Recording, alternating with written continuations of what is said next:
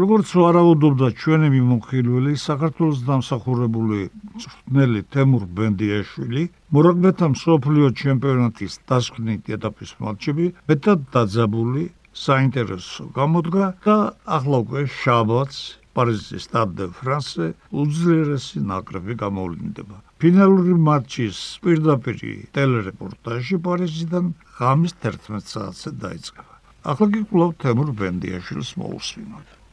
ეს მოყაროლებს მინდა მოვიდეთ ესეთი კარგი საინტერესო ჩემპიონატი ინდივიდუალი და მაგას გარდა ყველაზე უფრო მერაც მომწონს ისე რომ ყველაზე უფრო ფასდება შემოქმედება, სტრატი ფიქრი, ნახვილგონიერება და აი ამ გზით მიდის ძალიან დიდი მნიშვნელობა აქვს სტრატეგიის კაცად შესრულება.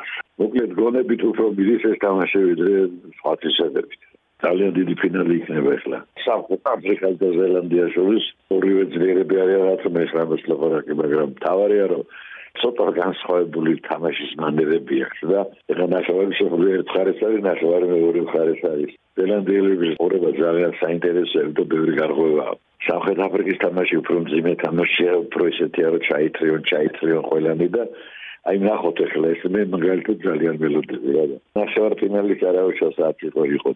ახლა მოკლედ იქნება ძალიან დიდი თამაში და მე გონია რომ გაამართლა სოფლიო და ესეთი გუნდები როგორც არის საფრანგეთი, ზელანდია, ირლანდია, სამხრეთ აფრიკა, ეთოლცა როდებენ ერთმანეთს ესეთი ძლიერი გუნდები როგორც ირლანდია და საფრანგეთია გამოეთიშე ჩემპიონატს, მაგრამ თამაშები წააგეს ორი ხუთით.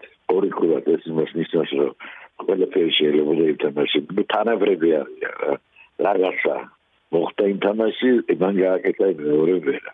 ისე რომ ძალიან ველოდები ეს თამაშს. საქართველოს ნაკრებზე უნდა მომდენო შეკავთ ყვართ, იმიტომ რომ ძალიან დიდი დაინტერესება და საერთოდ საქართველოსი და დისკო პოპულარობა მატულობს ეგ და ამიტომ ძალიან გაუგებარი იყო დევანდელი მართლი ჩვენი ნაკრების, მაგრამ აქ ყველაფერს თავისი პესები აქვს. თავარი რა არის ვერსლაკ ჩანდა რომ ჩვენ ყავს ბიჭები რომლებიც საფრთხე ჩემპიონატის შემდეგზეც წლოვანებით ითამაშებენ ახალგაზრდა ბიჭები არიან. რომ ცელნა საფრთხე დაინახა რომ ჩვენი ბიჭები ვაშკაცინების ყოფილენ და თავგანწირულები არიან. რაღაც რაღაცები არის ძალიან ბევრი რადიოების კავშირი ალბათ ბიჭები და გამოასწორებს მაგრამ თვითონ მე ყოველს ყოფილი ვარ და ყოველს მანდობას ვხვდი და ესეთი ვაშკაცური თავგანწირული თამაშისთვის. ნახოთ მოსიდაიქეთ ახლა ჩვენს გავიხსენოთ გამოჩენილი სპორტული ჟურნალისტი ქართული სპორტის ჭეშმარიტი მემატიანე გარუნა კოპოვი რომლის დაბადების 100 წლის საიუბილეო თარიღი ამ რამდენიმე დღის წინ ასე ღირსეულად აღინიშნა ათეული წლების მანძილზე გაზეთ ლელოს რედაქტორმა, ამჟამად კი საპატიო რედაქტორმა, ცნობილმა ჟურნალისტმა თენგიზ გაჩიჩილაძემ რადიო თავისუფლების მსმენელებს ჩვენი თხოვნით შეახსენა გამოჩენილი კოლეგის გარუნა ყოფოვის მოღვაწეობასა და მასთან საქმიანი ურთიერთობის დაუწყარი წლები. მიესალმები რადიო მსმენელებს მე პირადად ბატონ გარონ აკოპოვს 1950-იან წლების მეორე ნახევრიდან ვიცნობდი. როცა ის უკვე პოპულარული ჟურნალისტი იყო, მე კი ახალბედა პირველ ნაბიჯებს დგამდი. მისი შემოქმედებითი ბიოგრაფია თავის დროზე ლელოდან დაიწყო. სწორედ იმ წლებში დაუმეგობრდა მიხეილ კაკაბაძეს და გაზეთ ლელოში რამდენიმე ინფორმაცია და წერილი გამოაქვეყნა.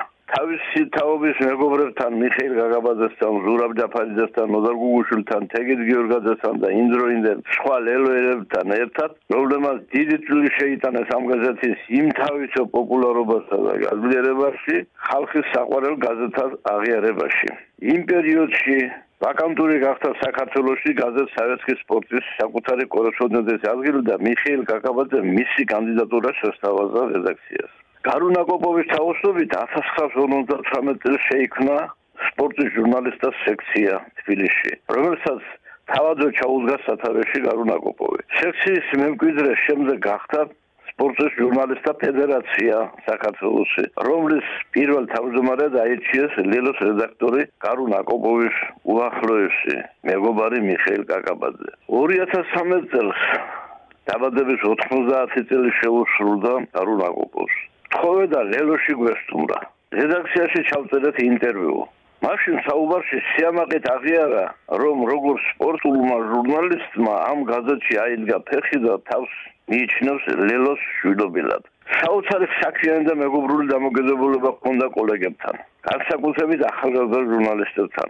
ახლა სოციალში მისი დაბადების 100 წლის საიუბილეო თარიღს რომ გამოვან ხმაურე უამრავ ადამიანმა კომენტარებში თბილად გაიხსენა მისი მაღალი დონის პროფესიონალიზმი, პიროვნული ღირსებები, კეთილი საქმეები, ახალგაზრდა კოლეგებისადმი თანადგომა. არიან პიროვნებები, რომლებიც აღიარებენ, რომ გარუნ აკოპოვის მიერ შემოქმედებით ასპარეზზე გზის დალოცვით გახდნენ შემდგომში ცნობილი ჟურნალისტები. კარულ აკოპოვი როგორც პოპულარული გაზეთის სავეთკის სპორტის შემდეგ ყოველკვირეული ფუტბოლის საკუთარი კორესპონდენტი საქართველოში ყოველთვის შეუპოვრო და პრინციპულად იცავდა ქართული სპორტის ინტერესებს. მისი ავტორიტეტი შეუვალი იყო მუდამ. კარგად მახსოვს მისი პრინციპული შეფასებები საქართველოს სპორტ კომიტეტის კოლეგიის ბრძოლების თემას გამختარა არაერთხელ. 1960 წლიდან მოყოლებული მას შემდეგ რაც მოსკოველთან გარდა ცენტრმა საბჭოთა რესპუბლიკების ჟურნალისტებსაც აღირსა ოლიმპიურ თამაშებზე მივლინება კარუნა კოპოვი აკრედიტებული ეუჯერ იყო ზაფხულის ოლიმპიურ თამაშებზე. მიუხედავად იმისა, რომ 1996 წელს ასაკით უკვე 74 წელში იყო გადამდგარი, ძალიან უნდა და ჩვენი სპორტსმენების დამოუკიდებელი საქართველოს სახელის გამოსვლების ხილვა ოლიმპიურ სტადიონზე ატლანტაში. მე და ბადა ნაცმიშვილმა, როგორც საქართველოს ეროვნული ოლიმპიური კომიტეტის ვიცე-პრეზიდენტებმა, მაშინ ყველაფერი გავაკეთეთ, რომ იმ დროისათვის საქართველოს ამ ყველაზე ცოვანი ჟურნალისტის ოცნება აგვესრულებინა. მის შემოქმედების ბიოგრაფიაში ოლიმპიადებზე მივლინებების ასეთი ფინიშით უაღრესად ბედნიერი იყო თავად. ქართული სპორტის წინაშე გაწეული ამაგი ღირსეულა და უფასდა. იყო საქართველოს დამსახურებული ჟურნალისტი, ფიზიკური კულტურისა და სპორტის დამსახურებული მოღვაწე, ღირსების ორდენის კავალერი, კალათბურთის საერთაშორისო კატეგორიის არბიტრი. ყოველთვის უზომო მოთხოვნა იყო მისი ავტორობით გამოცემულ წიგნებზე და მაღალ პროფესიულ დონეზე შედგენილ ფეხბურთის ყოველდღიურ კალენდარზე. თავად იყო არაერთი გამოცემის რედაქტორი. გარუ ნაკობო მათეულ წლების განმავლობაში შექმნა პირადი უნიკალური არქივი. ასე ვთქვათ, ცოცხალ შემოგვინახა ქართული სპორტის იმ დღეებისა და მოვლენების მაგისტრმა, რომლის ეპიცენტრში, როგორც თელ საბჭოთა კავშირში ცნობილი სპორტული ჟურნალისტი თავად იდგა. გარუ ნაკობოვის არქივში სპორტული ცხოვრების ამსახველი მრავალი ქართველი ფეხბურთელის ისტორია შემონახული. სპორტის ჟურნალისტთა ახალგაზრდა თაობები მაგერებით გააგრძელებენ მისი შემოქმედების სამაღალითო მემკვიდრეობას. მადლობა. ბოლოს კი ფეხბურთზე ბათუმიდან ჩვენი მომხილველი გია ცანავა ისაუბრებს. მოგესალმებით, მივესალმებით ჩვენს რადიო მსმენელებს და ჩვენი დღევანდელი საუბარი მინდა დავიწყო საქართველოს თასის გათამაშების მეოთხე ფინალური თამაშების გარჩევით და ორიოთ სიტყვა თქვა იმაზე რაც მოხდა. და მოხდა რა? გორში ჩავიდა საბურთალო და ამ დაძაბულ შეხვედრაში 11 მეტრიანების სერით დაამარცხა გორის დილა გამოაგდო მეოთხე ფინალიდან და ახალ ფინალისკენ აიღო გეზი ბათუმის დინამო ჩავიდა თბილისში ახალგაზრდულ გუნდთან და იქ არ გაჭირვებია მას გამარჯვება და 4-1 მოიგო და ახალ ფინალში გავიდა.